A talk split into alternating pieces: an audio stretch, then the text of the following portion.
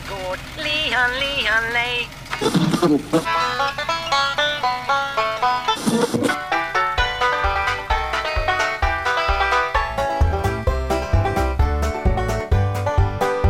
Hej och välkomna till er alla. Nu kör vi igång ett nytt avsnitt av Bondepraktikan. Podden som berör och upprör. Eh, podden som ligger lite före er andra och eh, vi folkbildar om landsbygd och folkvett. Och därför har vi med oss en expertgäst på just dessa ämnen idag. Hej på er allesammans! Hej. Hello. Hej. Alltså varför sitter du och ser så jävla lycklig ut, Rickard? Jag, jag, sitter och funderar på ifall vi, vi ska, ska vi släppa in dagens gäst med en gång eller ska vi döprata lite du och jag först? Ehm, vi gör så här att jag, alltså, efter, vi kör en liten cliffhanger så att vi gör så här att du har inte dödat någonting för att vi, har, det här, vi kommer ha. Mordförsök. Ja, vad fan. Du, oh, berätta. Ja, ja, nej, eh, den här tiden på året så kommer det ju vårkråkor. Eh, och det där är fantastiskt roligt om man då bortser ifrån att man måste upp så jädra tidigt på morgonen. Och så måste man då smyga ut någonstans man har ett litet gömsle. Och sen så har man en plastuv eh, uv som man Mm. skickar upp i luften. Och så, så ligger man och drar det hela snöret som en blådåre. Sen viftar lite grann på, Mm. på vingarna så här. Och då kommer kråkorna. Och sen så gäller det då att kunna skjuta dem. Eh, och sen så har man med sig en hund eh, som får springa och apportera och greja lite. Mm, mm, mm. Eh, jag viftar på fel sätt tror jag, för det kom inga kråkor. Eh, det var, jag gjorde någonting tokigt i alla fall, så det blev ingenting.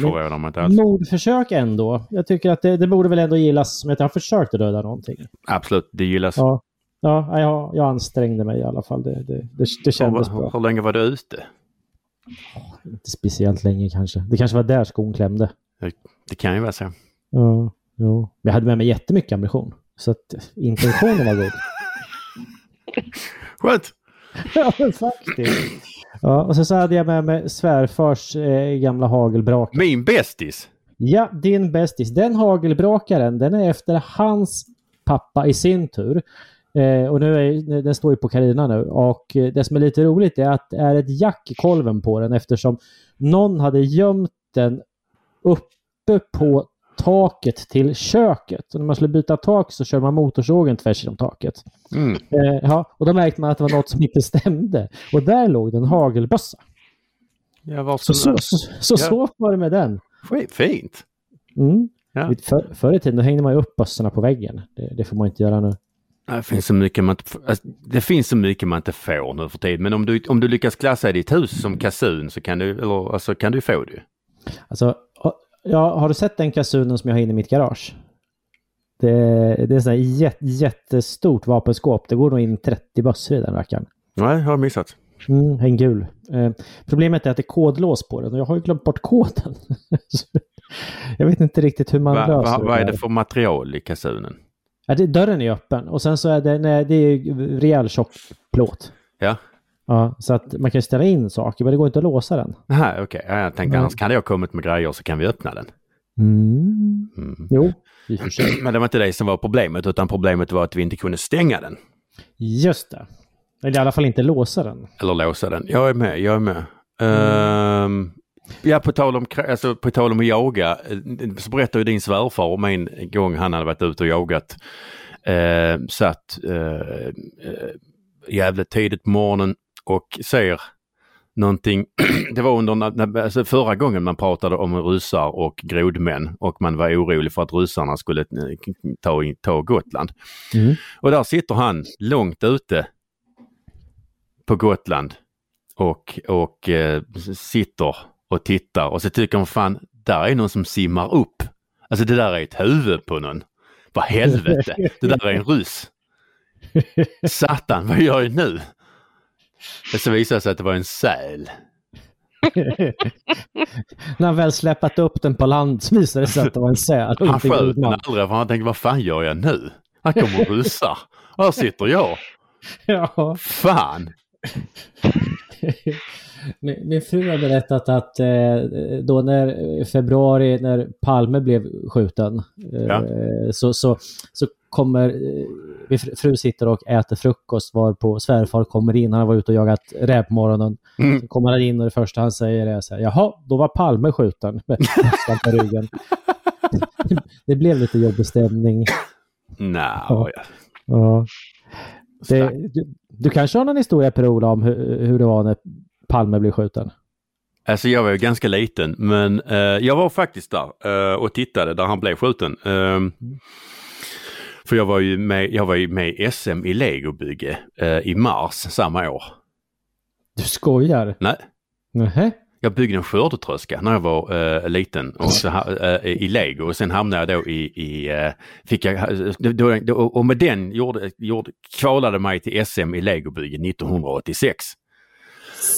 Så att vi, vi var, där- jag satt där på något golv någonstans på något rätt fancy hotell i Stockholm och så var Ulf Elving var konferencier Mhm. och knallade runt och eh, så pratade med alla de här små barnen. Eh, jag var ganska söt på den tiden. Gjorde du radiopremiär då eller? Eh, ja men det var nog så, frå- så här så frågade han vad, vad är det där? Jag bara, det är en rullebör! Stackarn. Eh, Ska vi förklara att rullebör är väl en skottkärra? Det inte säga. Ja, ja. Jag undrar vad det var för färg på din skördetröska. Eller vänta, jag, jag, jag gissar. Den var gul. Nej, den var lite blandad för att alltså, jag, jag, alltså, fan, Mm. mina föräldrar var bönder. Jag tror inte jag hade hur mycket le lego som helst av samma färg för fan. Glömde det. Men du är lite påhittig så tänkte att du kanske var ute och sprayade den efteråt eller något. Nej, men jag har kvar skördetröskan. Är, är den i bakgrunden där någonstans? Nej, eh, den står eh, eh, i ett annat rum faktiskt. I en liten glasmonter. Mm. Man, man ska så, va, va, ändå be- behandla några minnen med respekt. Nej, i, i bokhyllan har jag en DDT-spruta. Mm. Du, du gled undan det där med, med eh, Palme. Eh, jag, jag vet att det finns en historia om Palme eh, som du berättat. Ja, det fanns. Men den ja, ja, jag, jag, jag, misstänkte, eller? jag misstänkte att vi skulle komma till den. Ja, vi ska, nej, vi kan, jag misstänkte att det var den du var på jakt efter när jag duckade inte. Men eh, det finns ju eh, eh, i min närhet en, eh, en vars far var väldigt, väldigt upprörd på Palme. För att Palme hade en gång inte hållit upp dörren. För honom så han hade fått, fått dörren i, i, i, i nyllet. Och det här, alltså det här räckte för att han skulle vara väldigt, väldigt arg. Så att varje år det var, var eller varje valrörelse så försvann alltid sossarnas eh, eh, valmat, alltså kampanjmaterial inifrån stan. Och, eh, folk de brukade skylla på ungdomar men alltså ja. Det kom ju aldrig fram riktigt vem det var men det var då eh, herr far eh, som körde runt med gårdens pickup på nätterna och samlade ihop sossarnas valmaterial och byggde kalvboxar med för han hatade Palme. och sen eh, eh, så när Palme blev skjuten så, så ehm, eh, den här eh, damen jag känner hon eh, är ju betydligt mycket äldre än vad jag är. Så hon, hon hade ju då jobb. Jag var ju bara liten söt pojke. Nu är jag bara söt. Ehm, hon var utomlands med jobbet, eh, hör att Palme är, mörd, är, är skjuten, ringer hem till mor och bara du, eh, ehm, vad gjorde pappa igår kväll?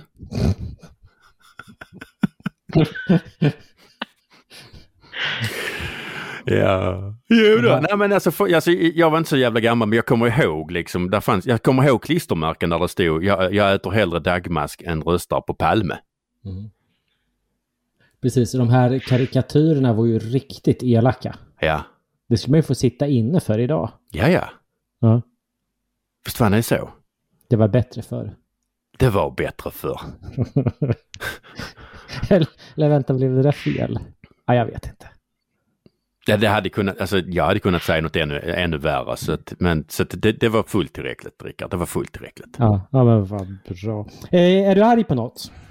Så mycket så att jag orkar inte... Alltså jag alltså menar, nu känner jag mig... Om du kommer ihåg i förra avsnittet så pratade vi om Mats, alltså min idol, som Mm. varje redaktionsmöte möte började med eh, vid dinosaurierna och sen så alltså redovisade han allt som hade hänt efter dinosaurierna och som han ogillade. Jupp. Jag, jag känner att jag håller på att transformeras till honom. Se där ja. Så att nej, alltså jo jag har jävligt, jävligt mycket arg på uh, uh, klimataktivister som sätter sig på vägen och fan vet allt. Men Du, du, du, du, du. har du kollat upp vad, vad, vad det där är för människor? De har rekryterat jävligt bra. uh, ja, Det, det, dyker, det dyker upp lite namn lite här och var på vilka Ja. det var som har Ja. lämnat fast sig och vilka det är som är med i den där våtmarksgruppen eller vad de nu har hittat på för någonting. Nej jag Det såg, är radikala snubbar. ja ja, jag såg att bland Smedjeback var med. Ehm, så det kan ju bli, nej alltså jag, jag, jag, jag orkar inte. Jag, däremot så har jag en spaning. Mhm. Mm, jag, har, jag har ju liksom börjat se barnprogram. Eh, för att det är bra för din mentala hälsa? Nej, eller? tvärtom. Åh, på tal om mental hälsa, så att det här måste bli ett stickspår. Ja, Och, och vuxna män som tittar på barnprogram. I vilket fall som helst. Min syster hon berättade, hon hade, eller så här, han, har, han gick tragiskt nog eh, bort eh, för ett tag sedan. Men typ 40 bast, eh, bodde, levde själv. Och ehm, på, på, på eh, jobbfest så hamnar han sidan om eh, chefens fru. Och han hade ju ett bra singelliv så. Han hade precis bokat in en resa till Alanya. Så han, han eh, sitter där och berättar, de sitter där och snackar skit och han berättar att han ska till, till eh, han har precis bokat en, en två veckors resa till Alanya. Mm, mm. Och hon tittar lite konstigt på honom. Så lite lätt. Ja, alltså det var liksom inte riktigt, det stämde inte riktigt. Ehm, och han tänkte väl liksom inte riktigt mer på det, men hon såg jävligt skeptisk ut- Och sen fortsatte de prata och sen så kom han tillbaka till att, ja alltså det blir ju, alltså det är ju jävligt varmt i, eh, alltså Turkiet nu, men, men det ska, alltså det ska ändå bli skönt att komma iväg två veckor. Hon bara, ah, så Alanya, jag tyckte du sa Lalandia. Så trodde man, och det liksom, där hon trodde att han som 40-årig snubbe helt ensam hade bokat två veckor på Lalandia där han skulle sitta och titta på, jag vet inte, barn. Det blir så lätt så fel. Japp. Ehm, Barnprogram. barnprogram. Nej men jag tittar på barnprogram ibland, alltså hö- högst ofrivilligt. Jag börjar bli hjärntvättad. Eh, så att jag liksom, där finns, alltså jag har börjat sjunga saker så, som jag inte ens vet vad, det, vad de kommer ifrån. Uh, sjung något då. We don't talk about Bruno. Typ så. Jag vet inte var det kommer ifrån. Men Cleo, vår gäst, hon har sagt att det är TikTok. Vi återkommer snart till Cleo för att det här, det här, det här kommer bli, bli bra det här. Eh, eh, för att jag har ju då tänkt, efter, eftersom jag såg jag börjat titta på, på barnprogram som jag finner helt värdelösa, så har jag då kommit att tänka på mina barnprogram, eller bar, min barndoms barnprogram. Och jag är precis lite för ung för att ha blivit eh, förstörd av vilse i pannkakan. Mm, mm. Eh, men eftersom jag, jag bor i Östdanmark, även känt som Skåne, Mm. så har jag ju vuxit upp med både dansk och svensk tv, för vi kunde ju ta in dansk tv här nere. Så jag har vuxit upp med två Bamse. Dels världens eh, starkaste björn, Ja. kommunisten, den svenska versionen alltså, och dels Bamse och Kylling. Kul, okej. Ibland kommer även Elling. Och alla de har ett väldigt incestuöst förhållande. Oj, hjälp. Så att alltså, dans, alltså dan, dan, den danske Bamse, han är en gul björn med röda gummistövlar. Gummis, gu, gummistövlar, gummistövlar. Det märks att jag har varit i Skåne några dagar. Ehm, han, och han har då sin kompis Kyling som är en kyckling. Mm. Eh, och Elling som är en, en, en älling helt enkelt. Gåsunge alltså. Eh, Och Bamse, alltså, he- alltså, alltså hela produktionen går liksom, alltså om du tänker dig att du tar en, en inspelningsbuss och så stoppar du in Bamse-kostymen, Kylling-kostymen, Elling-kostymen och så kamerorna. Och sen så tar du och så kör du till Carlsberg. Och sen fyllar du hela inspelningsbussen med öl. Mhm. Och sen så kör du ut i en park i Köpenhamn. Och sen, sen så super man och spelar in en hel säsong samtidigt. Och varje avsnitt är, är liksom, alltså går ut på att Bamse han kommer på någonting. Och sen så tar, företar sig han det här projektet och sen går det alltid åt helvete varpå han anklagar Kylling. Mm. Som, och Ky- det, det ska tilläggas här att Kylling är ju lite, vad ska vi säga, eh, slow. Så att va- va- så att hela sens, alltså vi har liksom en hel generation med danskar som har vuxit upp med ett barnprogram vars sens moral är när det inte går som du vill, skrik på utvecklingsstörda. Det, det låter lite grann som Agnus Full och har stulit idén därifrån. Ja, men ja, ja, Eller exakt, hur? exakt. Ja, nej, men jag tror det. Agnes Full är egentligen stulen idé. Ja, det, det, vilket, vi- vilket vi ju visar vilket barnsligt land Sverige är när man gör vuxenhumor och barnprogram. Ehm, ja, alltså jag har ju också en unge här så att jag kan också sjunga lite. Jag förstår. Mm. Men eftersom, alltså svenska barnprogram de kan vi skippa för att de är helt värdelösa. Men jag vill prata om finska barnprogram och där har vi med oss Cleo. Jo! Ja. Ja, finska barnprogram är ju lite speciella.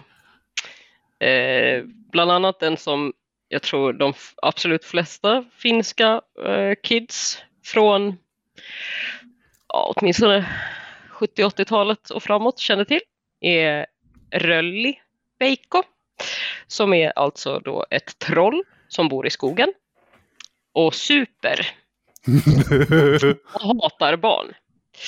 Eh, så att han dricker då eh, det är också väldigt tydlig produktplacering i den serien. För han dricker då Jack Daniels. Jag älskar det. Ett troll, ett barn, barnprogram om ett troll som sitter i skogen och halsar Jack Daniels ur flaskan. Jajamän. Eh, direkt ur flaskan. Och han, eh, men han kallar det för sin magiska juice. eh, som han då dricker och blir full och eh, blir också aggressiv. Så då kidnappar han barn.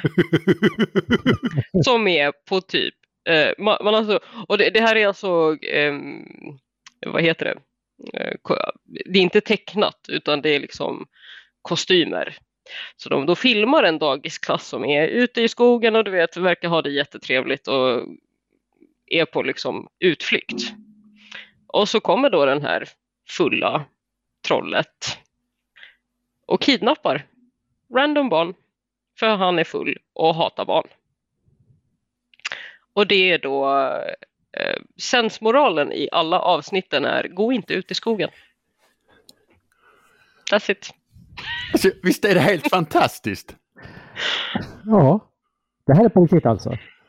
Ja, det är på riktigt. Vad, vad, vad Eh. heter barnprogrammet igen då? Röllipeikko. Roll- Röllipeikko. Yes. Eh, hur, hur, hur kommer det sig att ditt finska uttalas som där? Eh, jag, är, jag är helfinsk. Mm, Eh, båda föräldrarna är finnar. mm, eh, så- en del. Jag eh, pratar flytande finska. Och växte då upp med finska barnprogram. Eh, finns en till om en clown Ja. som heter Pelle Hermanni. Eh, som eh, ja, också från 70-80-talet någon gång. Eh, han är då en clown på dagtid som uppträder för barn. Ser otroligt obehaglig ut. Eh, men på kvällstid så bor han i en trailer park med andra clowner eh, och super. Och kommer det dit barn, då blir de inte kidnappade utan de blir bortjagade och i princip misshandlade av de här vuxna männen utklädda till clowner på fyllan. Sensmoralen, barn, gå inte till trailer parks. Gå inte till skogen, gå inte till trailer park. Japp. Eh, och det här, alltså det, det sändes på, det, det sänds fortfarande mig veterligen, jag ska inte svära på det, men på alltså, Finlands motsvarighet till Bolibompa.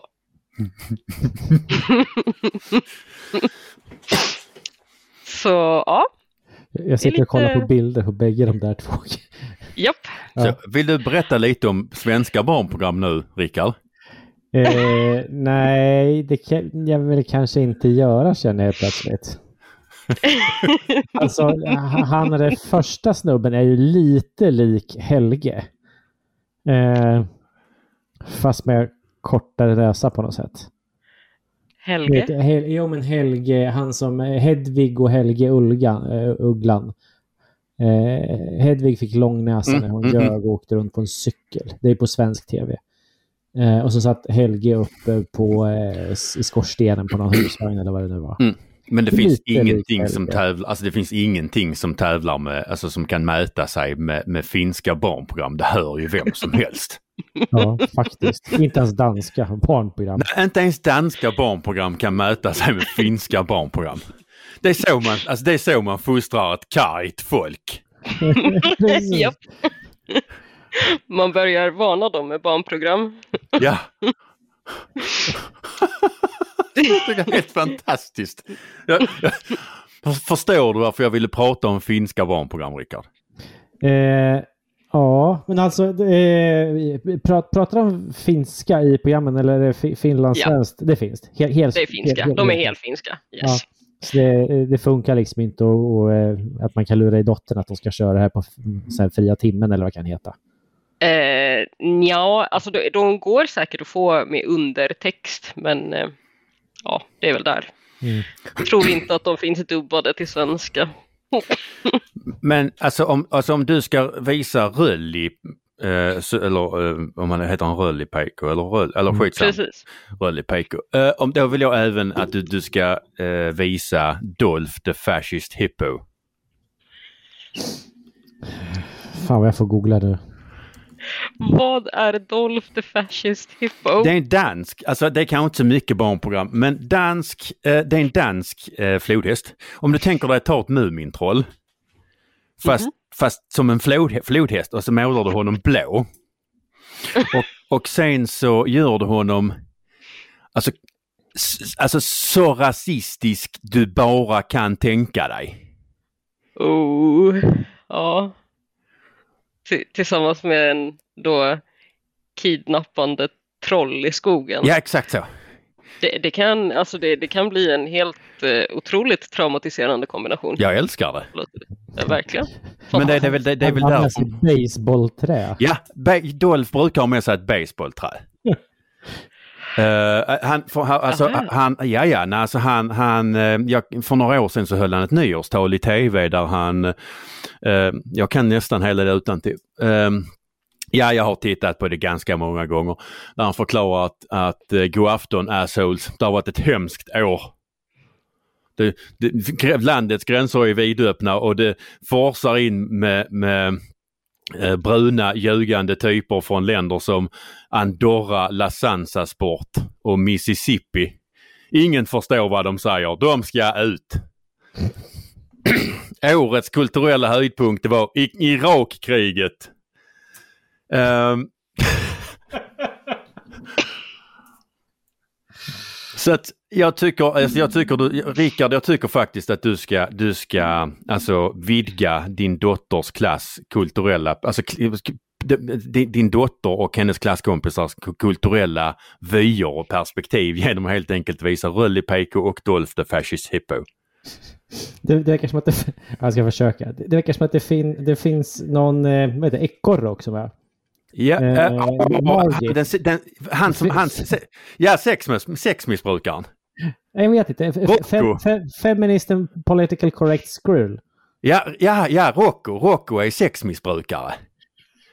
Det blir bara värre och värre. Alltså, alltså, alltså, eh, och, pratar, och pratar engelska och så liksom, alltså varje avsnitt så har han en ny sådär, eh, en liten fråga så bara, do you, vad han frågar programledaren bara, do you know why the pig says bara, bara, nej, because I fuck it! I bang it! I fuck it in the ass! Bara, det är det. Dolph är för övrigt, för övrigt eh, döpt efter Dolph Lundgren. Ja, enligt sådär. Wikipedian. Ja, det, det låter rimligt. Mm. Eh, Nej, Dolph- Rocco är en sexmissbrukande eh, eh, sexmissbrukande ekorre. Jag tycker du kan visa honom också. Ja, eh, vi ska försöka. Fråga, alltså kom, Det är och, ändå som en rimlig kombo. jag tycker definitivt det och jag tycker även att vi ska komma ihåg i det här sammanhanget att det är mycket lättare att få förlåtelse än tillåtelse. Så jag tycker inte du ska fråga varken lärare eller hustru först. Nej. Eh... Vad är megalomani för någonting? Alltså, du, du, jag höll på att säga... Du, du, du spelar in podd med Sveriges snyggaste... Du, precis, du spelar in podd med Sveriges snyggaste bonde. Idag är det sju år sedan vi blev vänner på Facebook och du vet inte vad me megalomani är. Nej. Det, jo, här kommer en översättning. Det är typ du. Mm. God com complex. Det är typ du, tack. Jag bjöd på Okej. den. Ja, Eh, eh, eh, Dolph lider nämligen av det. Ja, gud ja. Ja. Men eh, alltså jag, nej, jag gillar Dolph eh, och jag gillar även Rocco och eh, en ny, alltså bubblare är ju, är ju Rulli-Peko. Men eh, det, alltså, det är inte bara barnprogram som jag tänkte vi skulle prata med Cleo. Mhm. Nej, för att, ja alltså min, min, vad ska jag säga, Har du ett så när- körschema? nej jag har inte ett kör- kör- körschema. Eh, Gud nej, du känner mig. Mm. Just det. Eh, nej, men alltså om vi sammanfattar uh, mycket av vad jag, alltså, vad ska jag säga, jag har framhållit med Banjo-högern är ju att och, och landsbygdens problem när vi har pratat om, om eh, alltså vilket vi pratar ganska mycket om, det är ju att, att vi har ett samhälle som drar sig tillbaka från, från landsbygden. Och att, att det, med det försvinner även jobb och, och, och eh, eh, samhällstjänster. Och att man på landet inte får, eller att man nekas rätten att leva, alltså vad ska jag säga, till sitt eget perspektiv för att eh, där är något annat som är, är normen och sätter gränserna och hur man ska leva. Och i det här fallet så är det ju stadens, staden som är normen och staden som bestämmer hur, hur uh, uh, vi på landet ska leva. Uh, och, och jag, som, jag diskuterade här med Cleo som inte alls kommer från landet. Tvärtom, hon kommer ifrån vad jag anser vara Stockholm. För att allt norr om Norrköping är Stockholm. Varför Norrköping nu då? Det kan jag berätta för dig, för att i min ungdom, Mm. jag, alltså jag vet inte hur många, alltså jag har kört E4 så många gånger så att alltså jag kan ju snart göra det i sömnen. Men alltså i min ungdom så kunde, alltså jag var bättre på att köra bil än på geografi. Och alltså när jag kom förbi Norrköping så började jag bli trött, för i min värld så var jag liksom framme. Det var ju Mm. det här med, menar, det, det, det är Stockholm liksom. Mm. Mm. Ehm, och och um, Cleo berättade att det är ungefär samma, att rättare sagt det är samma problem som man har där hon kommer ifrån. Och, vilket i och för sig inte är, alltså vilket inte är centrum, alltså i innerstan. Så att, Nej. berätta Cleo. Jo, men jag är ju eh, uppvuxen i eh, Tensta och Rinkebyområdet. Ehm, och där, ja, eh, står ju lite mer om det i tidningarna än om landsbygden för tillfället i alla fall. Ehm, och eh, där är ju just, ehm, vad ska man säga, eh, samhället, eh, samhällstjänster, myndigheter, liknande har ju dragit sig ur. Ehm, Poliskontor har stängt, eh, medborgarkontor stänger, eh, man stänger ner fritidsgårdar, framförallt ungdomsaktiviteter försvinner och eh, blir inte alls lika tillgängliga eh, för samtliga i det, vad ska man säga, i de områdena. Eh, erbjuds inte på samma sätt som om man tittar på till exempel innerstan eller eh, liksom förorterna direkt nära innerstan. Mm. Där du har ja, men, du har simskolor, du har fotbollskurser, du har alltså rubbet, eh, fritidsgårdar, ungdomsaktiviteter och så vidare. Eh, blir mindre och mindre tillgängligt. Eh, men just det här att, eh, ja men som, det stod ju ganska mycket om det i, i eh, nyheterna när eh, poliskontoret i Rinkeby stängde. Mm. För det var ju det sista liksom i eh, Rinkeby, Hjulsta, Tensta-området då. Och den skulle då flyttas till Kista. Eh, men det man inte skrev om då, det var att alltså banker, Försäkringskassan, eh, Arbetsförmedlingen flyttade samtidigt till Kista. Eh, som man kan tycka att ja, men det, det är ju närheten, men det, alltså signalvärdet blir ju ett annat. När man från just en del av förorterna bara flyttar bort allting. Ja, alltså, ta, alltså, ta, alltså så missförstår man inte här men alltså, alltså att, att flytta det till Kista, det, menar, det, är- det är inte bara som sagt, nu kommer jag inte från stan så du, du, får, Mm. du får korrigera mig om jag har fel. Men, men alltså, Ki, alltså Kista ha, har en annan klang än Tensta och att, menar, att då flyttade, flyttade från Tensta till Kista, det handlar ju inte bara om geografin. Det handlar ju även om, om vad ska vi säga, eh, Alltså det, det, det, är någon, det, det är mer än bara den fysiska flytten. Alltså, upp, alltså vad ska jag säga, uppfattar jag det som? Som sagt, du får korrigera om jag har fel. Nej men det är helt rätt. Eh, det, för samtidigt så flyttar man ju också arbeten från eh, Tensta, Rinkeby, Hjulsta till då Kista och det som man kallar för liksom Järva-området. Men Järva är så enormt stort eh, så att en hel del jobb flyttades till liksom Bro, Upplands Väsby-området. Mm. Och så säger man att ja, det är Järva och Järfälla. Men det är inte alls samma sak. Eh, och istället för att ja, men, gå ner till banken på lunchen, ja, men, då blir det en halvdags utflykt. Eh, bara sådana saker gör ju att signalvärdet blir så fel. Eh, men jag tror att det, det största är när man började flytta, liksom, eh, eller ja, stänga fritidsgårdar och flytta ungdomsaktiviteter.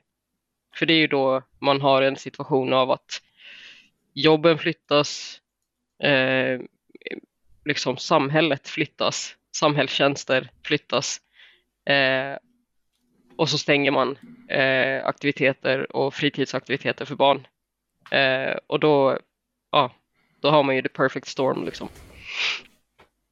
Men då kliar sig folk på huvudet och undrar varför, varför ränner folk omkring i centrum och varför blir det mer och mer bus och kriminalitet och, och, och så vidare. Visst är det, alltså, alltså, visst har jag inte fel eh, eh, Rickard när jag säger, jag ska säga, det finns, det finns liksom en, en, vad ska jag säga, det, grundproblemet är detsamma både när det gäller problemet i, på Järva eller i Rinkeby Tensta som, som, som Cleo beskriver och när vi tittar på landsbygden. Ett samhälle som helt enkelt drar sig tillbaka. Ja, nej men, jo, jo, men det är klart att det, fin det finns stora likheter. Jag, jag håller med om det. Och det, det, det som slår mig det är att eh, när, eh, när, när Karl Hedin blev häktad, en av de första, om jag nu kommer ihåg rätt, som gick ut och försvarade honom. Eh, det var ju, eh, vad heter han, Dogge Doggelito. Eh, som jag har till att börja med så tycker han ju om vargar. Eh, och skulle gärna se att de är fridlysta överallt. Men han går ut och försvarar Karl Hedin därför att han satt ju häktad i över en månad. Mm. Eh, och menade på att det är mer än vad någon med, som sitter för grova brott gör. Så det är ju jättemärkligt. Mm. Eh, och han sa så här att jag vet inte så mycket men hans polare säger att han inte har skjutit någon varg. Eh, så då har han väl inte gjort det. Alltså det, det, det finns flera likheter i, i mellan delar av landsbygd och eh, delar av förort. Eh, att, att, att samhället har vänt ryggen är nog bara en av dem. Men det, det skapar ju samtidigt en, en mentalitet till viss del och säkert ett samhälle också till viss del som man kan känna igen. Eh, jag tror säkert att man kan ta, du, du kan tänka, säkert, säkert ta vilken tonåring som helst från Tensta och köra upp till Hälsingland och han skulle liksom fixa det utan vidare i vilken ort som helst där. Eller vilken by på landet som helst där. Ja, Mm. Jo men det är ju alltså, för i innerstan, eh, nu, nu bor jag ju i innerstan i Stockholm. och Och har du ser- gjort en klassresa? Precis. Det, jag tog tunnelbanan. Ah, okej. eh, nej men och, och här ser jag ju det här med att liksom, ja men tvärs över gatan så har vi polishus, post, Eh, systembolag, arbetsförmedlingen är fem minuters promenad bort. Eh, men också det här med fritidsaktiviteter för kids i liksom varannat hus så finns det, ja men lär dig programmering eller spela dataspel i grupp eller simskola, fotboll, allt vad sådana här korta människor gör på fritiden finns i multum här. Men Mm. när jag växte upp då började det liksom avväxlas, avveckla, avvecklas i liksom allt snabbare takt. Ehm, bara en sån sak som att, för det handlar ju om att även jobb, jobbmöjligheter och jobb som finns där ute. Ehm, det är ju mycket mer alltså, låginkomsttagare.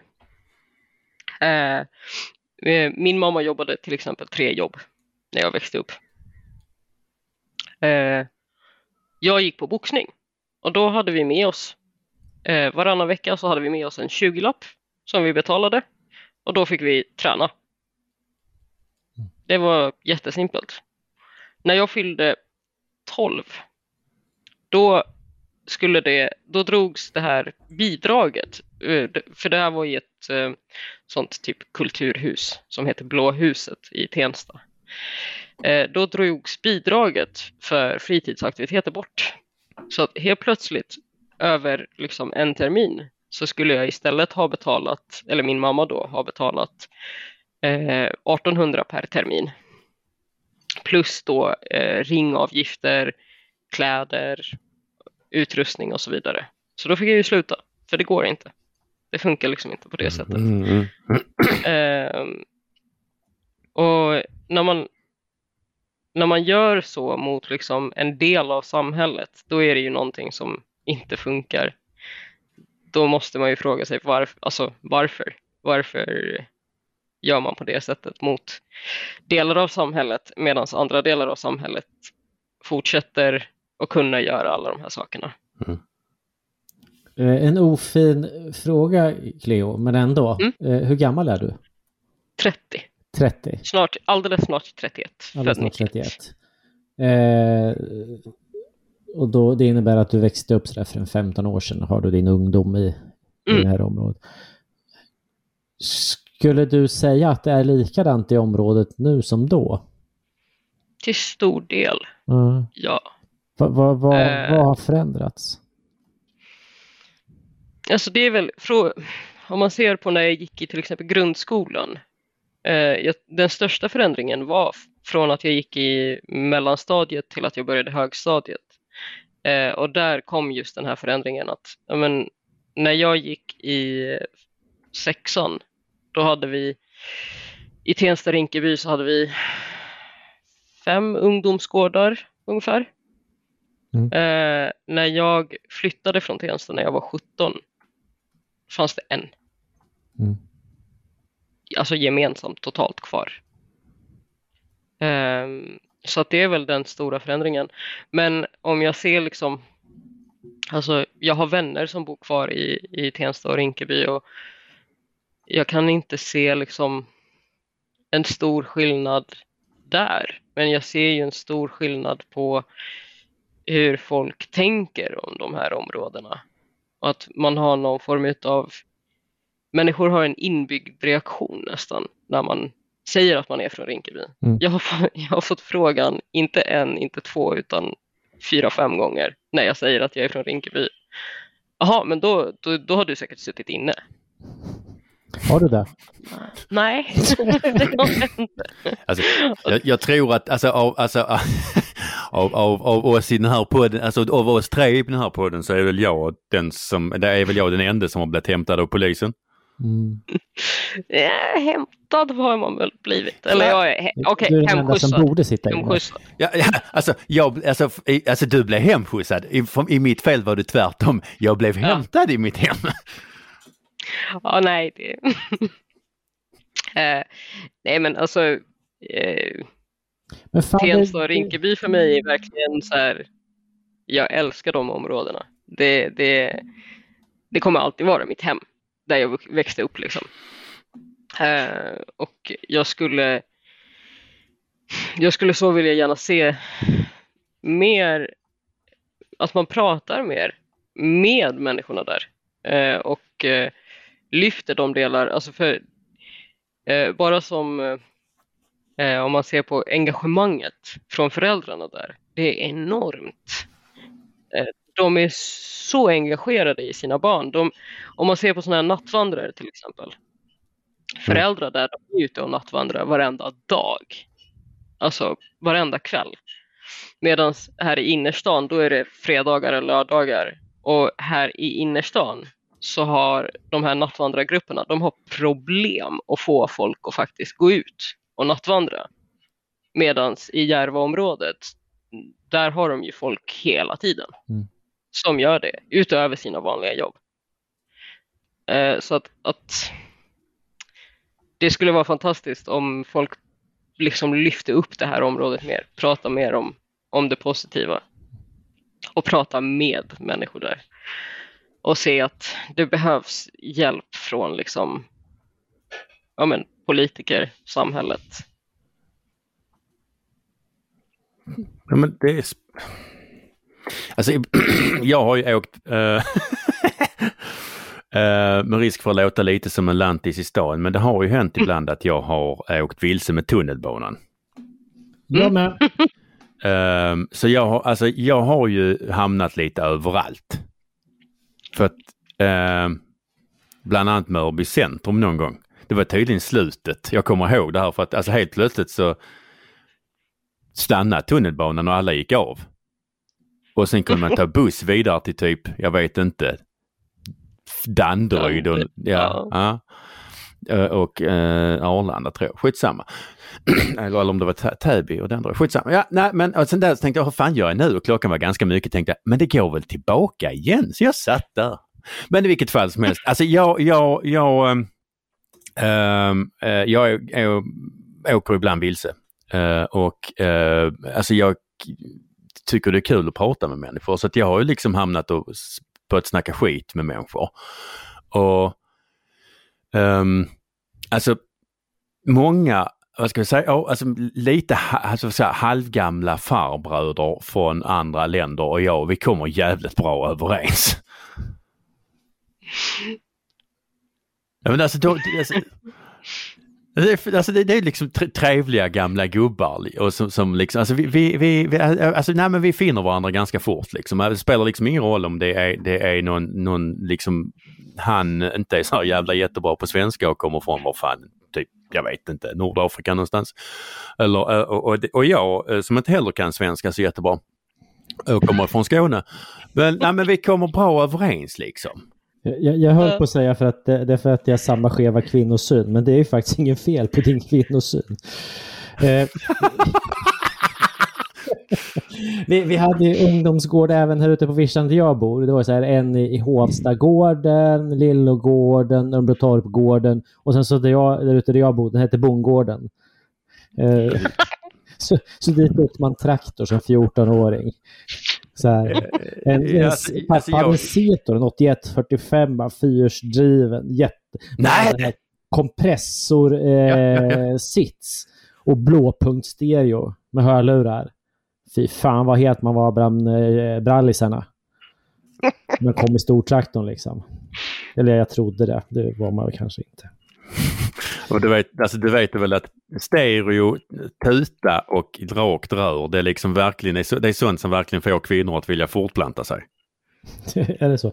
Ja. Men du, jag skulle vilja tillbaka till, till eh, förorten. Eh, alltså, gi- givet att det finns saker och ting som eh, man känner igen sig i så finns det ju även saker som jag tror man inte känner igen sig i också. Eh, om man är... Jag menar, om, om, jag, om det kommer en okänd snubbe och går utanför här på bygatan eh, så mitt i natten så är det liksom lugnt. Men min föreställning om jag skulle gå eh, för mig själv i, i, i Rinkeby centrum en lördagkväll eh, så, så misstänker jag att jag skulle bli rånbögmördad eller någonting i den stilen. Eh, men alltså, alltså, dit jag vill komma är liksom att vad, vad, vad finns det för olikheter? För att de olikheterna kanske vi, de som inte är bra, de olikheterna kanske vi även kan få ut på landsbygd så småningom. Att, att Mm. orten på något sätt bara ligger tio år före landsbygd. Mm. Eh, är, är ni med på hur jag tänker? Eh, eller hur jag kastar upp frågan ändå, Alltså- för att vi ska ventilera. Jag tycker att det är bra, Alltså, det får skava lite nämligen det, det som jag skulle säga, alltså olikheten, eller snarare det som är, det är ju att eh, många Många har ju fått den här bilden från media att liksom, ja, men det är kriminella gäng och det är eh, massor med liksom elände och, och alla är galna. Men det är ju absolut inte så. Precis som alltså, vart som helst så är ju inte det en majoritet utan tvärtom. Det är ju en bråkdel av människorna där som är stökiga och ingår i de här kriminella nätverken. Eh, så att det är väl Ja, jag, jag vet inte riktigt, för det är inte en, om man ser på liksom, uh, samhället i det stora, stora, eller Sverige i det stora, så tror jag att det ser ut så precis överallt. Att majoriteten av människorna vill leva sina liv eh, fridfullt, göra sitt jobb, äta sin mat och gå och lägga sig och veta att man är trygg. Liksom. Mm. Eh, och så ser det ut precis överallt. Sen har man den här bråkdelen av människor som skiter i alla de reglerna och beter sig så som de vill. Eh, sen har det Det liksom... låter som jag. Japp. så precis som just nu så majoriteten av oss och bråkdelen då. Precis. Ehm, Det är Cleo och jag som är majoritet, bara så ni vet. Ja, precis. Vi vill eh, leva i lugn och ro. Det, det, det vill jag också. Nej men, men, eh, nej, men alltså, det, alltså vad ska jag säga? Det, det, är- alltså, det, det är ju synd att förneka att det finns, eller rättare sagt man gör, man gör, ju, man gör ju inte gott om man förnekar att det finns, vad ska jag säga, att det finns problem. Ja, nej, För- det, för att- det måste man ju alltid. Och, och, och det är som Cleo påpekar att det är större risk att de som, det är, att de som själva bor eh, i, i Rinkeby blir eh, rånade än att, eh, än att Rickard blir det. För att han är Ja. inte där. Precis. Men, men det är ju också det här att eh, liksom olikheterna, ja, um, alltså jag vet inte. Jag, jag har sett både liksom innerstan och förorten och ja, jag, jag kan inte säga riktigt vad som i det stora hela är olikheter. Det är ganska det är ganska likt. Jag känner mig mindre trygg när jag går på gatan här hemma på Södermalm än när jag går på natten i Tensta eller Rinkeby. Eh, jag känner mig mycket mer trygg i förorterna för att det är mindre folk. Det är intressant, tycker jag. Det, det, det, Som, det som ändå kommer från landet. Som, och Ja. liksom har blivit, blivit matad med, men nej men alltså du, alltså man, jag tittar på nyheterna, det är ju, det är liksom eh, jag tittar på nyheterna och sen så åker jag ibland vilse i tunnelbanan. Det är ju liksom ehm, ehm, om man får sammanfatta min, min, min bild liksom och min erfarenhet. Eh, det, det är helt okej att skratta åt mig men det, det är ändå eh, bättre än väldigt många andra. Eh, för det finns ju väldigt många som inte, ens, som inte ens åker fel på tunnelbanan och väldigt många som inte ens åker tunnelbana. Men, men nu tappar jag bort min fråga. Att det spelar ingen jävla roll, den var säkert inte viktig ändå. Jag känner mig också mer trygg här hemma på landet än när jag åker in till Örebro. Här hemma får jag vara beväpnad utan att det är några konstigheter till exempel. Eh, det, men en, en, eh, en, parallell till detta. Eh, jag, jag, är ju sidekick i en podd som heter Raka Svar. Eh, och där eh, hade vi, intervjuade vi, eller samtalade vi med eh, kille som heter Ted eh, någonting i efternamn som jag inte kommer ihåg just nu i alla fall. Men han var polis, eller är polis vid eh, NOA.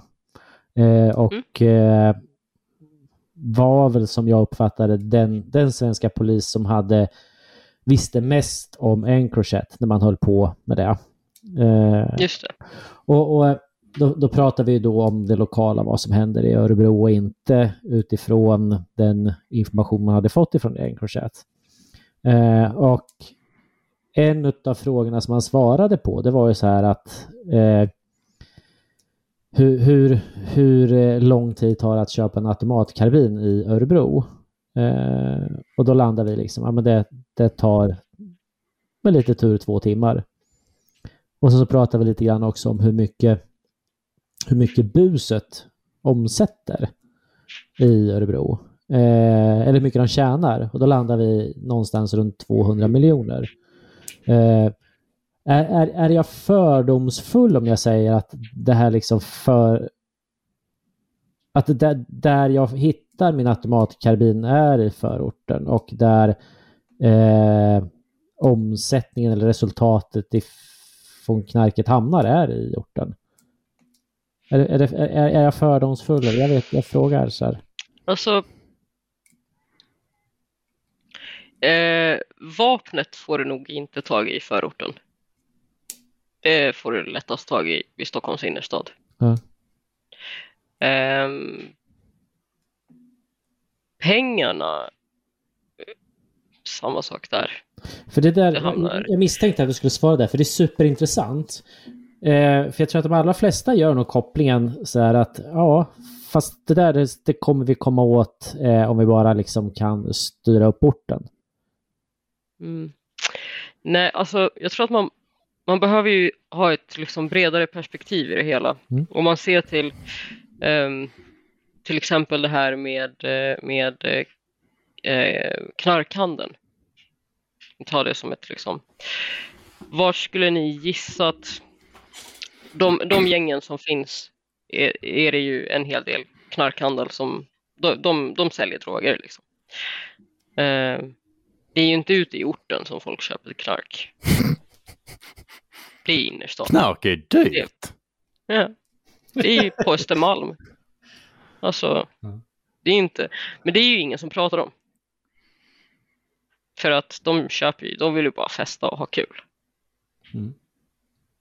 Så, att... Eh, så att, så att liksom... innerstan tar både landets och förortens produkter utan ja. att betala ordentligt för sig. Absolut. Jävla oss. Det en likhet alltså. ja men absolut. Och, och eh, att, att prata om eh, drogproblematiken utan att prata om de som köper och de som faktiskt köper, alltså kvantiteten av droger. Det är, det är ju innerstan. Alltså, det, det, är ingen, det är ingen som jobbar som städerska som har råd att köpa knark. Det är dyrt. Alltså, mm. så att, ja. Exakt. Knark är jättedyrt. Knark är jättedyrt. Det är kanske...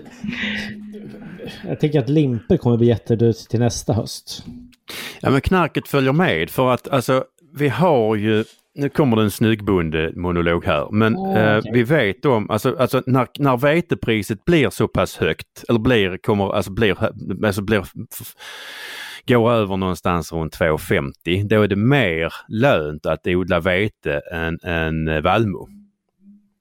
Vilket gör att, att eh, förra gången vi hade, alltså ungefär när vi hade arabiska våren, då var vetepriserna också ganska höga. Och då styrde man över odlingen till vete istället för det var mycket det var ju mycket, det var, på, det var på många vis mycket enklare att odla vete än vallmo.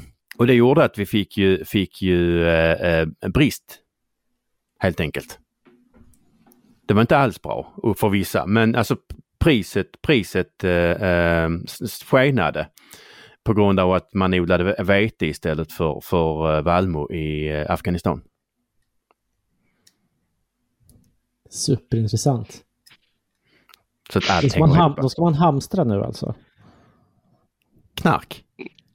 Vete? Vete, ja eller jag vet inte. De, de som har möjlighet får väl hamstra när de vill. Ja, precis. Mm. Nej men, men, nej, men så att alltså, alltså, allt hänger ihop. Alltså, det, alltså när, när jag ska säga, det, blir, det blir tillräckligt eh, lönsamt att eh, odla, odla vete istället. Eh, då gör man det. Problemet nu är ju att gödselpriserna har även de stuckit med. Eller, eh, så att det är dyrt sin helvete att odla vete. Um, så det är svårt för... Uh, Gödslar man vallmo? Uh, det borde du göra ja. Mm. Men om, om, du vill ha någonting ut av det så, så behöver du nog göra det. Veten mm. behöver du definitivt gödsla och det är ett problem nu. Mm. Å andra sidan så har ju varken, varken äh, Afghanistan har väl inte några sanktioner mot Ryssland. Uh, alla de ekonomier som man i typ tio år har pratat om, de här är framtiden. Indien, Kina, Pakistan och Ryssland. Uh, jag vet inte. Det, nu har de ju bildat något eget litet kluster här. Alltså typ, jag vet inte, är på väg att buttfucka oss. Brasilien också va? Ja. Mm. Nej men alltså, alltså men, så, vi ska snart återvända till orten men alltså som sagt, Indien, Kina. Vi kan till och med Stefan Löfven, han stod där och förklarade the, the world's eyes is on China fast han stod i Mumbai. Um, nej, så att Indien, Kina, Pakistan, det som man har pekat på, på liksom är framtidens ekonomier och Ryssland, även det har blivit pek, utpekat som, som någon form av framtidens ekonomi, eh, vilket vi inte minst ser i vår svenska pensionspengar är investerade. Mm. Mm. De har precis hängt, de, de, de håller på att häng, hänga bort resten av världen.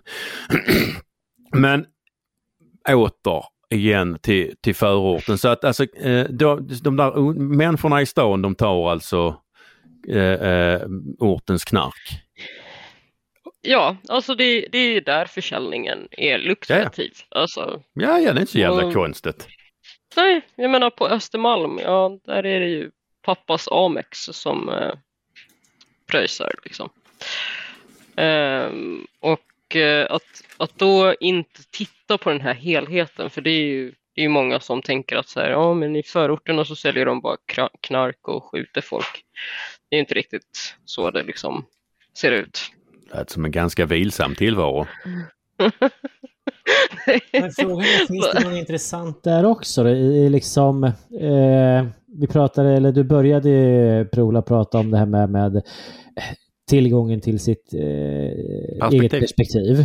Mm. Eh, och, och, Alltså att det också går igen ifrån förorten och, och, och landsbygden.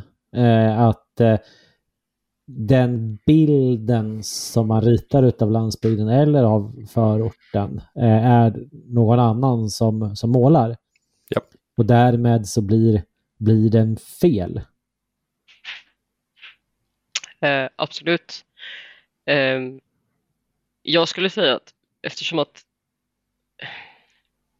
de, de flesta gånger som man hör om förorterna, om det är i debattprogram, nyheter, dokumentärer, vad det nu än är, så är det någon som pratar om förorterna. Mm. Eh, det är ingen som pratar med folk från förorterna. Så att det blir ju inte människorna som bor i förorten, det är inte deras bild. Det är inte deras verklighet som, som eh, målas upp utan det är ju då en journalist eller debattör eller liknande som Du glömde kanske, politiker. Ja, precis, politikern. Mm. Som kanske, kanske har varit på besök i förorten, eventuellt. Med polisbeskydd? Ja, oftast. Eller så säger de att de har varit där. Men så har de inte det. Ja, ja. Eh, det blir deras bild. Och det är ju omöjligt att ge en, en eh, verklighetsförankrad bild av någonting som man inte har upplevt eller ens besökt. Ja, och än, och än mindre när det är, vad ska jag säga, den bilden bara är en del av en helhet. Ja, mm. precis. Uh, jag kommer ihåg för jätte, jätte, jättemånga år sedan nu. Um, så var det ett, ett eh, tv-program, eller det var ett en debattprogram. Jag har glömt vad det hette då, men eh, för det har bytt många former under, under årens gång. men det var eh, människor från Rosengård och eh, några eh, eh företrädare för äh, människorna på Rosengård å, å, ena sidan och å andra sidan Mona Salin och Ilmar Reepalu. Mona Salin vet de flesta vem hon är och eh, Ilmar Reepalu var många år sossarnas starke man i Malmö. Och eh, eh, våra vänner från Rosengård, de stod och, alltså, men eh, det, jag, det de berättade, så, som jag kommer ihåg, jag tyck, alltså det lät vettigt liksom. De förklarade, men alltså herregud, 80% av kvinnorna från Rosengård, de har inte varit utanför, utanför Rosengård sedan de kom hit. Alltså det funkar inte. Alltså ni kan liksom inte bara plocka hit jättemycket människor och sen bara stoppa in dem i ett litet getto bara för att ni inte vill se dem utan så och dessutom så kan, måste ni ställa lite krav också för att vi är precis som alla andra. Det är jättebehagligt att umgås med människor som har vars samma språk, vars, vars språk man kan och så vidare och så vidare. Men alltså vi vill gärna träffa svenskar också och vi har absolut ingenting emot att bo hos svenskar eller med svenskar på andra ställen än Rosengård. Liksom. Så att vad fan, portionera ut människor när de kommer. Låt dem bli svenskar. Få träffa svenskar i alla fall, alltså etniska mm. svenskar. Mm. Um, och både Mona Sahlin och Ilmar Reepalu, liksom bara, men alltså det där förstår ju inte ni. Va? Ja, alltså det var liksom helt, men alltså, nej, men, men alltså nej, nej, nej. Alltså sånt där förstår ju inte ni. Alltså, ja. Oh, Jesus. Oh. Helt fantastiskt, men, men, och jag tycker det är lite synd för att man eller det är otroligt synd för att det, där är ju Alltså den sortens politik gör ju att folk liksom aldrig kommer ur beroendet av staten. Ja, men och det är ju den sortens politik som också gör att, att eh, eh, man sätter grupper av människor mot varandra. Mm. Eh, på ett väldigt enkelt sätt. Eh, man skapar ett väldigt starkt vi och dem. Mm. Och, eh, och sen undrar man varför det gick fel. Liksom. Men, eh, men, det, men, det, känns som att det är ju någonting som har gjorts liksom i alla år. För ja. eh, min, min, familj kom från Finland. Eh, min mammas familj kom till Sverige på 60-talet. Hamnade i Hälleforsnäs. Såklart. Där alla andra finnar också hamnade. Ja. Så min mormor och morfar, fram tills att de gick bort för eh, en här massa år sedan, kunde inte svenska. De pratade finska. Mm. Det gick ju jättebra. De, de kunde finska, that's it. För de hamnade, i en, de hamnade och jobbade i en fabrik där alla pratade finska. De bodde i ett samhälle där alla pratade finska. Ja. Så att... Det där har jag en rolig historia om. Såklart, fortsätt. Nej, nu kommer jag inte ihåg vilken, men vi säger att det var Degerfors för enkelhetens skull. Eh, dit hade kommit eh, väldigt många eh, finländare som drog in till bruket och jobbade. Mm. Eh, och sen så eh, kom det ju då på 70-talet ett gäng italienare som jobbade tio år på bruket och efter tio år på bruket så pratade ingen av dem svenska men alla kunde flytande finska. Rätt, rätt kul ändå. Ja, men det säger ändå en del. Mm. Mm. mm.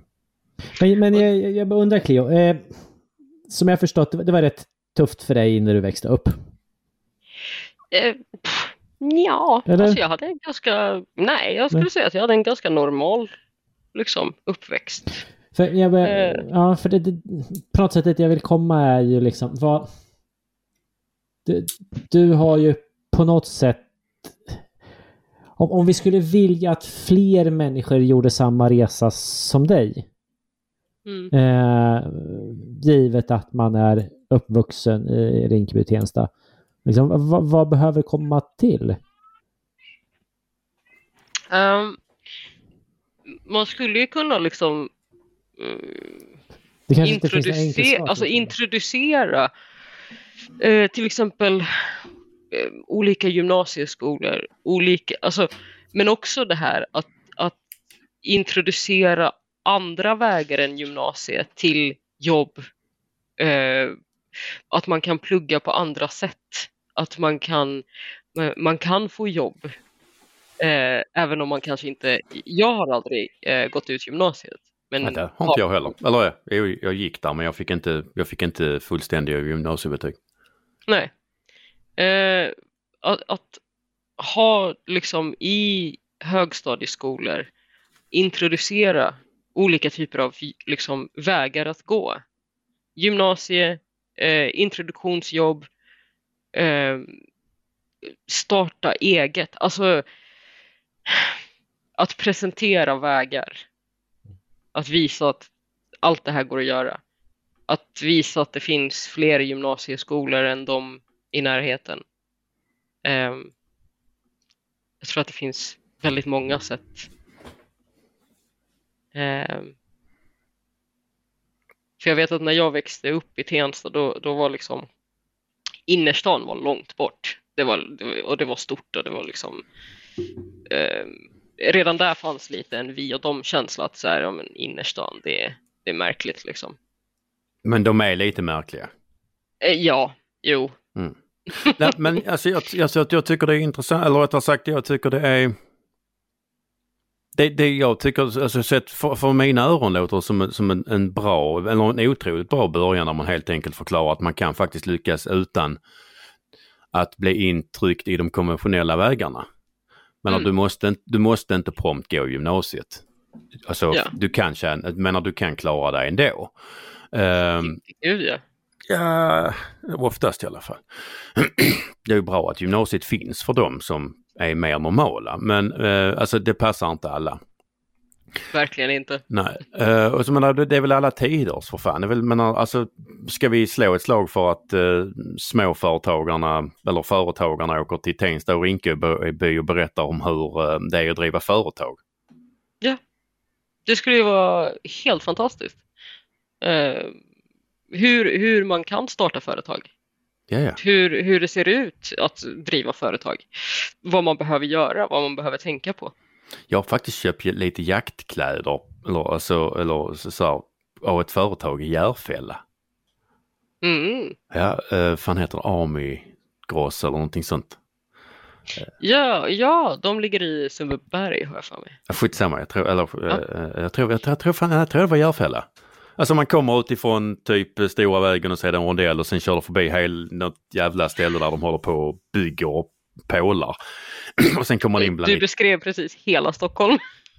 Eh, de pålar inte överallt. Uh, jag tycker du, nu tycker du är dum mot mig. Men, men, uh, nej men alltså som sagt, det, det, är väl en rätt bra början att människor får höra att det faktiskt går. Mm.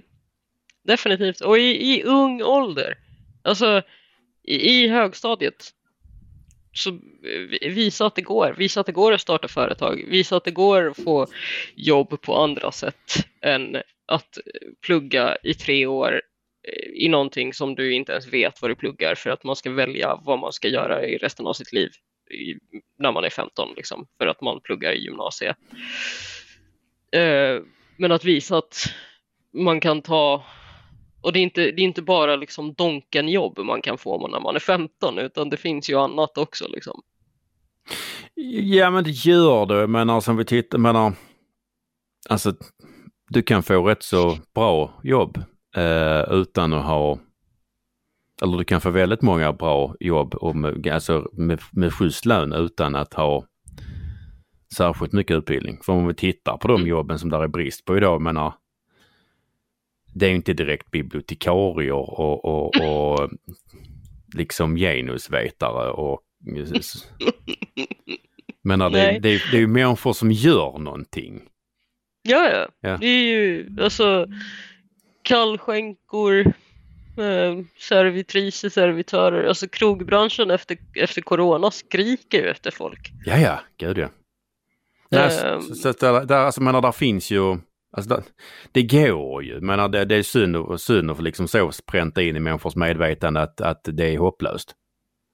Ja, nej men det, alltså, och, och gör man det, präntar man in i människor att det här är vägen du måste gå, annars får du inte jobb. ja men, ja, då, då, då tappar man ju hoppet om man inte vill sitta tre år och plugga samekonomi. Mm. Det, det finns ett perspektiv här som eh, sitter och funderar på. Jag vet inte riktigt om, jag, jag skjuter lite från höften. Eh, jag har inte tänkt färdigt men i alla fall. Då Eh, tänker jag färdigt åt dig för jag brukar kunna, kunna Ja, ja men precis, precis. Men, nå, någonstans där så liksom... Eh, på landet brukar jag ju som prata på något sätt om att ja, men det, det var de som blev kvar. De som liksom eh, inte gjorde något vettigt med sitt liv. Eh, jag tror inte det stämmer. Jag tror att många som är kvar på landet har gjort det som ett aktivt val. Eh, och Ja, det är ett aktivt val men vi sägs ju all, alltså vi som stannat kvar.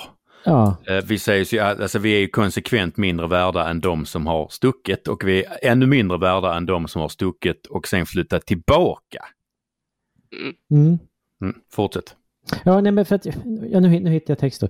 Eh, jag, jag skrev någon text en gång, eh, ja, skitsamma, så här. Eh, mitt, mitt liv är inte så fett men det är mitt liv. Det är det enda liv jag har och jag har valt att leva det med rak rygg. Jag upplever att på landet går det att leva ett något friare liv, vilket även innebär att man inte behöver bry sig lika mycket om vad andra tycker och tänker.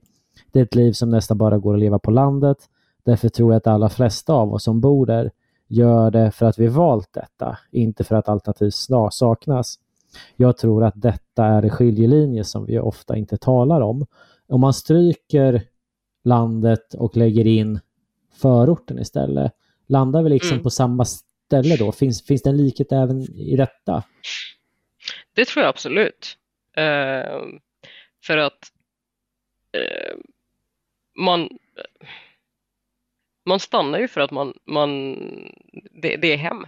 Mm. Det är ens hem. Mm. Det, är- det är där man är uppvuxen. Det är där man vill vara. Liksom. Eh, och sen, sen är det ju dock just det här som vi började att prata om med att man flyttar ut samhället från områdena. Mm. Eh, många flyttar från förorterna för att få närmare till jobb. Mm. För att det, det är ju inga, det är inga storföretag som direkt öppnar kontor i Rinkeby. Mm. Tvärtom, de flyttas ut därifrån. Eh, så att eh, jag tror absolut att eh, ett, de som stannar kvar, de gör ju det för en, alltså, av en kärlek för området. Det är där man är uppvuxen, det är, det är där man är hemma. Mm. Eh, och skulle man då ha mer, mer av samhället i sitt område, då tror jag att fler skulle vilja stanna kvar. Definitivt. Men just det här med att ha mer av samhället i sitt närområde, det är ju alltså en klockren, äh, en klockren beskrivning av landsbygden. Men alltså, där är, även om vad ska jag säga, en del av, av symptomen tar sig olika så är det ju, så, äh, men grundproblemet är ju att, att vi har en liten klick människor inne i stan som eh, bestämmer hur livet ska se ut och vi, vi sen tvingar oss att leva efter deras, deras perspektiv. Deras normer, Mm. deras, hur de tycker att samhället ska se ut. Absolut. Mm. Det tycker jag är fel. Ja. Så att, eh, men alltså, jag är i alla fall glad så länge de inte, så länge de inte ser oss eh, eh, som ädla vildar i alla fall. Ja. Ehm, nej, så att, alltså, det här, jag, jag är sjukt nöjd med att ha fått prata om, om, om, eh, om eh, eh de utsatta områdena som ändå landsbygden och, och eh, eh, ja, Tensta, Rinkeby är. Nu, så, Pullman. ja. Innan vi börjar spela in så, så, så, så pratar vi nämligen om, jag berättar om bajsbussen. De flesta som lyssnar på podden vet vad bajsbussen är. Det är nämligen min skåpbil jag har när jag kör runt och, och eh, eh, servar reningsverk. Och ehm, eh, sen kan vi till att börja prata om hyrmaskiner och, och Cleo berätt, eller berättade om, om när byggare lämnar tillbaka saker till henne. Eller när hon, Mm. när hon jobbade med hyrmaskiner. Berätta! Det var ju helt fantastiskt.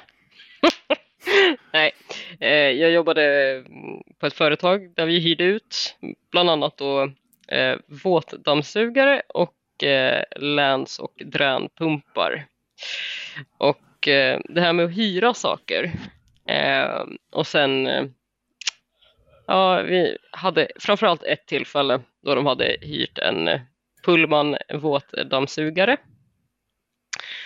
Eh, sugit ur ett avlopp och lämnat den här då 80 liter ungefär tank har den i solen i 24 Det kan, eller, det, kan, ja, det kan vara värt att påpeka här att Pullmansugarna det är alltså en dammsugare med en liten eh, vattenpump i botten. Vilket gör att eh, ja, för jag använder sådana ibland som dialysmaskin på, på eh, reningsverk. Och så att du pumpar liksom ut vattnet och kan liksom eftersom du har en filter där behålla alla godsakerna om vi Mm. uttrycker det så. så att, Allting eh, mysigt. Precis, så det, det var liksom, det var, det var, det var godsakerna som du fick tillbaka. Precis, Mm. efter att det, det var inte liksom nu är arbetsdagen slut, då tar vi den här äckeltanken tillbaka. Utan det här blev väl färdigt kanske vid lunchtid och så, så lät de den stå framme dag ett i solen. Det här var juli månad skulle jag, jo juli. Eh, och sen dagen efter, ja men vi måste göra färdigt allt det här. Så kvart över tre en torsdag så kommer då den här båtdammsugaren in och eh, jag påpekade att ni vet väl att eh, det blir en avgift på att vi behöver göra rent här. Absolut, den tar vi gladeligen. För de visste ju precis vad det var i den här. Eh, så att eh, ja, det här med att jobba med liksom pumpar och våtdammsugare, det, den eh, delen skippar jag faktiskt. För det blev eh, en och annan dusch efter den gången. Jag, Det eh, var- ibland, ibland när jag lämnar, alltså jag har hyrt eh, minigrävare och lä lämnar tillbaka dem, jag brukar tvätta av dem och smörja dem. Så lämnar tillbaka den så, alltså bara, ja sen jag tvättade av maskinen och smorde den till dig och de brukar titta på mig precis som jag kommer från en annan eh, planet. Det förstår jag. Ja. Alltså jag har, jag har fått tillbaka en mini-vib som var alltså i en betongklump. Jag fick alltså tillbaka en betongklump och någonstans i den så finns en mini-vib. Och de Ah. undrade, men vad då, vad är det här extra rengöringsavgiften? Precis vi har stött med slägga. Ja, bokstavligt. Det här var fantastiskt kul. Ja, var jag, jag, jag tycker det är superroligt. Eh, jag fick st- stretcha min gamla trötta huvud rätt rejält faktiskt. Det var kul. Men det är väl kanon. Ja, som sagt, jag är fantastiskt nöjd och eh, om inte ni har något mer så tänkte jag avrunda.